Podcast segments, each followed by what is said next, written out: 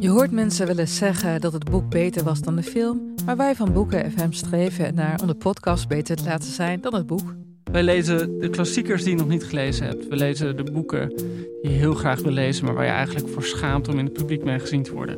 We lezen de Libris-winnaars. Uh, we praten over de Nobelprijslariaten. Allemaal zoals je een etentje hebt. Dat je moeiteloos mee kan praten en dat het lijkt alsof je helemaal belezen bent. Wij zijn Ellen, Joost en Charlotte van Boeken FM. En je kunt ons luisteren in je favoriete podcast-app.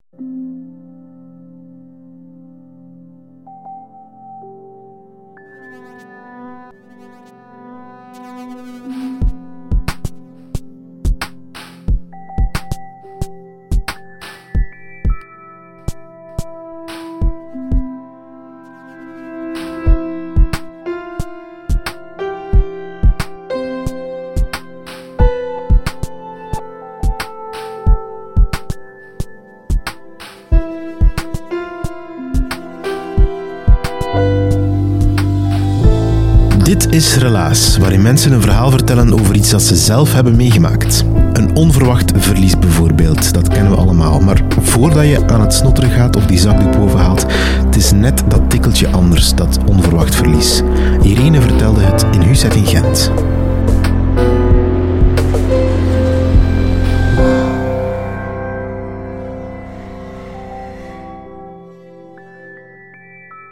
Heb gestudeerd in Gent, maar vijf jaar geleden ben ik officieel echt verhuisd naar Gent. En ik was zeer blij. Ik had een uh, appartementje gevonden in januari aan de Zuid.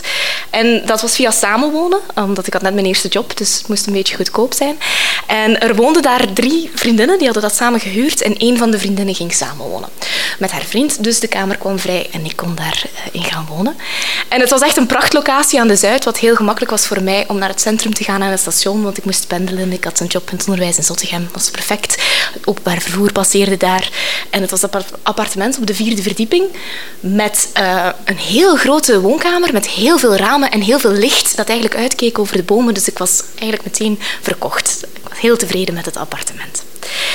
Maar uh, ja, uh, één bepaalde dag, uh, een maandagavond in april, kwam ik thuis van, van mijn werk. En het was een heel mooie dag, een heel warme dag. Dus ik kwam thuis en ik heb alle ramen meteen opengezet. En ik ben naar de keuken gegaan, iets genomen om te eten. En me eventjes neergezet in de woonkamer voor de televisie om eventjes te relaxen.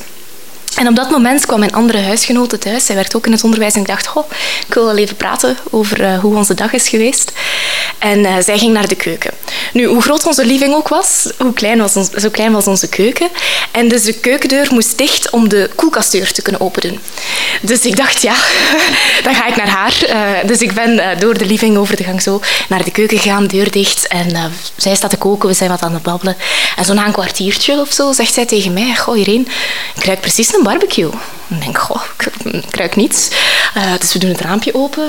Nee, geen, geen barbecue, ik ruik niets. En ze kookt verder en zegt, ja, maar ik ruik toch echt een barbecuegeur? En ik zeg, oké. En dus uh, we doen de koelkastdeur dicht, de gangdeur open. En we zien eigenlijk vanuit de open woonkamerdeur, want ik had echt alles, alles laten staan hoe het, hoe het was, zien wij zo'n grote zwarte wolk eigenlijk zo dicht over het plafond naar ons toezweven. En ik denk, huh? En zij, mijn huisgenote, gaat eigenlijk door de gang de living in. En ik volg haar. En uh, we zien eigenlijk dat de televisie in brand staat. Uh, wij hadden zo'n zo'n oude televisie, die stond daar al, zo'n bak nog. En uh, die vlammen kwamen daaruit, maar echt ook hoge vlammen. Ik was verschoten, dat waren echt... Ja, ik kan nu zeggen twee meter, maar dat was het niet. Het was hoge vlammen. En die, die wolk kwam daar vandaan. En ik sta daar naar te kijken, een beetje in shock. En mijn huisgenote zegt, wij moeten die brand blussen. En ik, ah ja, ah ja oké. En dus uh, zij neemt een deken, uh, een vliesdekentje dat daar lag op een kist. En uh, zij loopt daarmee naar de badkamer. En ik denk, ah ja, oké. en ik volg haar naar die badkamer. En, dat teken dan, en ze is dat teken aan het nat maken in de badkuip. En ik denk, ah ja, slim eigenlijk wel. Want ze zeggen, je mag niet blussen met water. Je moet dat bedekken. Maar ja, misschien kan dat vliesdeken in brand schieten. Dus dat is goed dat, dat nat gemaakt wordt. En zij loopt met dat natte vliesdeken terug door de gang naar de woonkamer, naar de televisie. En ik volg haar opnieuw. Ik ben eigenlijk echt niets aan het doen. En... Um, ja, zij gaat met deken aan de ene kant van de televisie staan en ik sta aan de andere kant. Daar eigenlijk wel een beetje een eindje vandaan, want dat is echt warm, zo'n brand. En ik dacht, dat is warmer dan een kampvuur. Dat is echt, dus we staan echt een eindje van, van de televisie en zij ook met dat teken in haar hand. En dus toreador-gewijs houdt ze dat teken zo en wil ze dat over de, over de televisie gooien. Maar ik denk dat er iets misgegaan is, maar ik weet het niet zo heel goed. Maar ik zie dus eigenlijk gewoon die televisie kantelen en vallen van het tafeltje op de salontafel die van hout gemaakt is. Ja, en ik denk, oh, oh dit is niet goed. Uh, en ik denk, ja, we moeten hier weg. Dus ik zeg, wij moeten hier weg. En zij zegt, ja, oké, maar dan moeten de ramen dicht. En ik denk, ah ja, ja, dat hebben wij geleerd op school. Als er een brand is, moet je de ramen dicht doen. En dan moet je, ik denk, oké, dan ga ik de brandweer bellen. Dat zal mijn taak zijn. En ik, uh, ik laat eigenlijk gewoon achter en ik ga naar de gang. En uh, aan de deur staat zo'n tafeltje met onze telefoon en de sleutels en draagbare telefoon. Brandweer bellen. Dus ik denk, 911. Dus ik druk 9 en dan denk ik, ah nee, wij wonen niet in Amerika. 911 is niet het nummer van de brandweer bij ons. Nee, dat gaat niet. Bij ons is dat een 100. Ja, ja, ja. En ik druk verder 00. En ik hou de telefoon aan mijn oor en ik ben volledig klaar om te, denk, om te roepen eigenlijk gewoon. Want ik denk, moet hij dan nu vertellen dat er brand is? Ze moeten komen. Dus ik ben klaar en een, computerstem die zegt het nummer dat u probeert te bereiken is niet beschikbaar. Want 900, dat is geen nummer. Uh, en ik ben, ja, ik, mijn stoppen staan eigenlijk door op dat moment. Want ik denk, maar er is een brand. Iemand moet mij helpen. En ik roep dat dus ook naar die telefoon. Maar er is een brand. Je moet mij helpen. Ja, er gebeurde dus niets. Dus ik denk, ja, ik moet hulp zoeken. Iemand moet mij helpen om de brandweer te bellen, want ik slaag daar duidelijk niet in. Dus uh, ik doe de deur open uh, naar de gang, naar buiten eigenlijk. En ik weet nog dat ik dacht, moet ik mijn huissleutels meenemen? En dacht ik, oh ja, nee, nee, nee, die deur gaat wel open blijven. Dat is oké. Maar die telefoon moest mee, want ik moest de brandweer bellen. Ik, uh, ik weet nog dat ik dacht, ze moeten dat weten dat er brand is, de huisgenoten. Die moeten me helpen. Dus ik schreeuw eigenlijk echt, er is brand. Je moet ons helpen, er is brand. En echt zo'n schreeuw waarvan ze zeggen moord- en brandschreeuw. Dat weet ik dus nu dat dat echt bestaat. Want mijn huisgenote heeft achteraf tegen mij gezegd... Irene, ik heb nog nooit iemand zo luid horen roepen. De nachtmerries die ik nadien had van de brand gingen niet over de brand, maar over jouw schreeuw. Um, dus het was wel echt serieus. Ik heb geschreeuwd en ik ren eigenlijk met die telefoon de trap af. En we komen op de derde verdieping en ik klop op de deur uh, van het appartement op de derde verdieping en niemand doet open. Dus ik oké. Okay. En ik loop verder naar de tweede verdieping. En ik klop op de deur van het appartement en een oude man doet open. En ik zeg, of ik schreeuw of ik, ik hijg, ik weet het niet. Ik was volledig in paniek. Dus ik zeg tegen die man, er is brand op de vierde verdieping. Je moet mij helpen, de brandweer moet gebeld worden. Er is brand. En die man, die kijkt naar mij en die zegt, nee, dat kan niet. Maar nee, dat kan niet. ik stond daar en dacht, maar nee meneer, er is brand op de vierde verdieping. Ik woon daar, er is brand. Je moet mij helpen. En die man kijkt naar mij en die zegt, nee. En ik maar allee, hoe kunnen dat nu niet geloven? Alsof ik iemand ben die belletje trek komt doen of zo. Allee, ik ben echt iemand die hier komt vertellen dat er brand is. Moet mij helpen. Ik kan de brandweer niet bellen. Dus ik denk, oké, ik heb daar geen tijd voor. Ik, kan niet met die man redeneren. Dat gaat niet. Dus ik laat die man achter en ik loop verder naar de eerste verdieping. En op de eerste verdieping is er een makelaarskantoor. En die deur staat open, want het is ja, half zeven of zo, weet ik veel. En uh, er staan daar drie mensen. Twee, uh, twee, vrouwen en een man. En die zijn bezig dossiers in dozen te steken. En ik zie dat haar telefoons staan, vaste telefoons. En ik denk, oh, goed. Die mensen zijn gewoon om te telefoneren. Die gaan mij kunnen helpen. Die gaan de brandweer kunnen bellen. Zij kunnen dat. Dus ik storm dat kantoor binnen en ik zeg net hetzelfde. Ik zeg, kijk, er is brand op de vierde verdieping. Je moet mij helpen. De brandweer moet gebeld worden. Je moet mij helpen.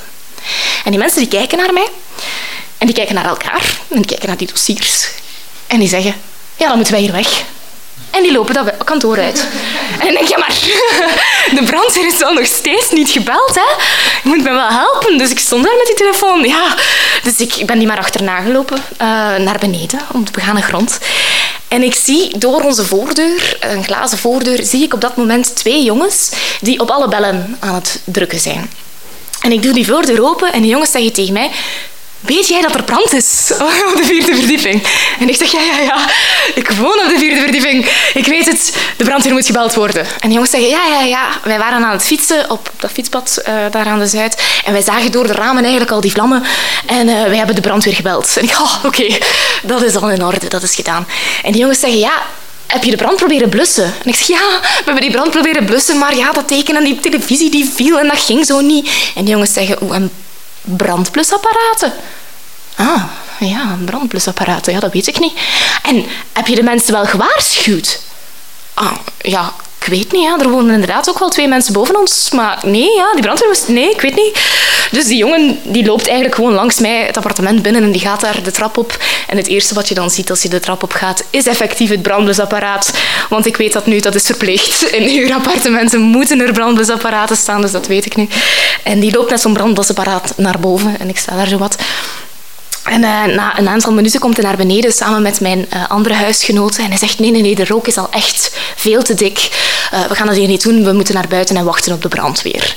En in de hele herlawatie op dat moment heb ik eigenlijk, ben ik naar buiten gegaan met mijn huisgenoot en heb ik eigenlijk niet meer gelet op de jongens. Ben ik eigenlijk buiten gaan staan, waar eigenlijk al een hele menigte zich had verzameld. Want de ramen waren al gesprongen en het glas was al uit de ramen gevallen. Door de hitte van het vuur was op een tram beland. Die tram was al geëvacueerd. Er stond daar al politie met politie hier in rond. Er was al pers aanwezig, maar nog geen brandweer. Dus dat was, uh, was wel voor mij uh, heel confronterend. Ik dacht, allez, wanneer komt die brandweer?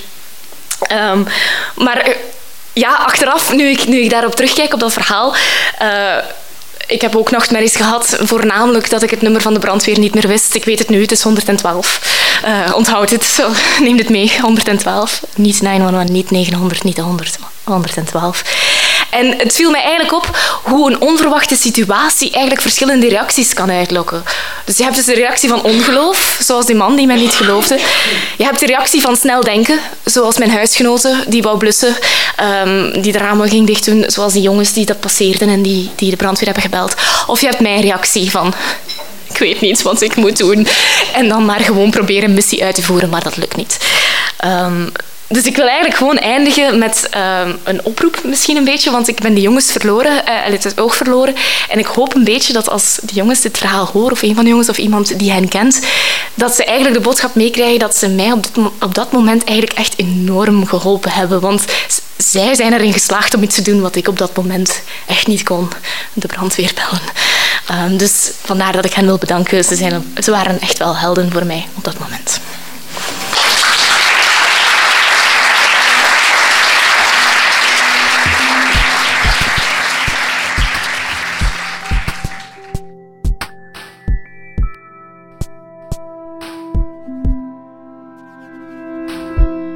Dat was het relaas van Irene. Je kon het zien en horen. Ze was wel een beetje zenuwachtig daar in Huzet in Gent toen ze het vertelde. Maar die gejaagdheid in dat verhaal, die snelheid waarmee ze het vertelt, dat hoor je terug in haar stem. Maar het past ook wel bij het verhaal, vind ik. En ik wens het je niet toe, maar het zou kunnen dat je zelf ook al eens zoiets hebt meegemaakt. Of misschien ken je wel iemand die ook zo goed als Irene een verhaal kan vertellen. Je mag ons dat altijd laten weten. We zijn altijd op zoek naar goede vertellers.